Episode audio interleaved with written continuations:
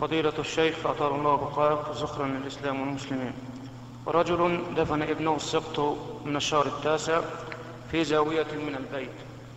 فهل يجوز له أن ينبش عليه القبر ويدفنه في المقابر أم هذا عليه؟ السؤال هل هل غسله وكفنه وصلى عليه؟ الأفضل أن يحفره الآن أن يحفره وينقله إلى المقابر.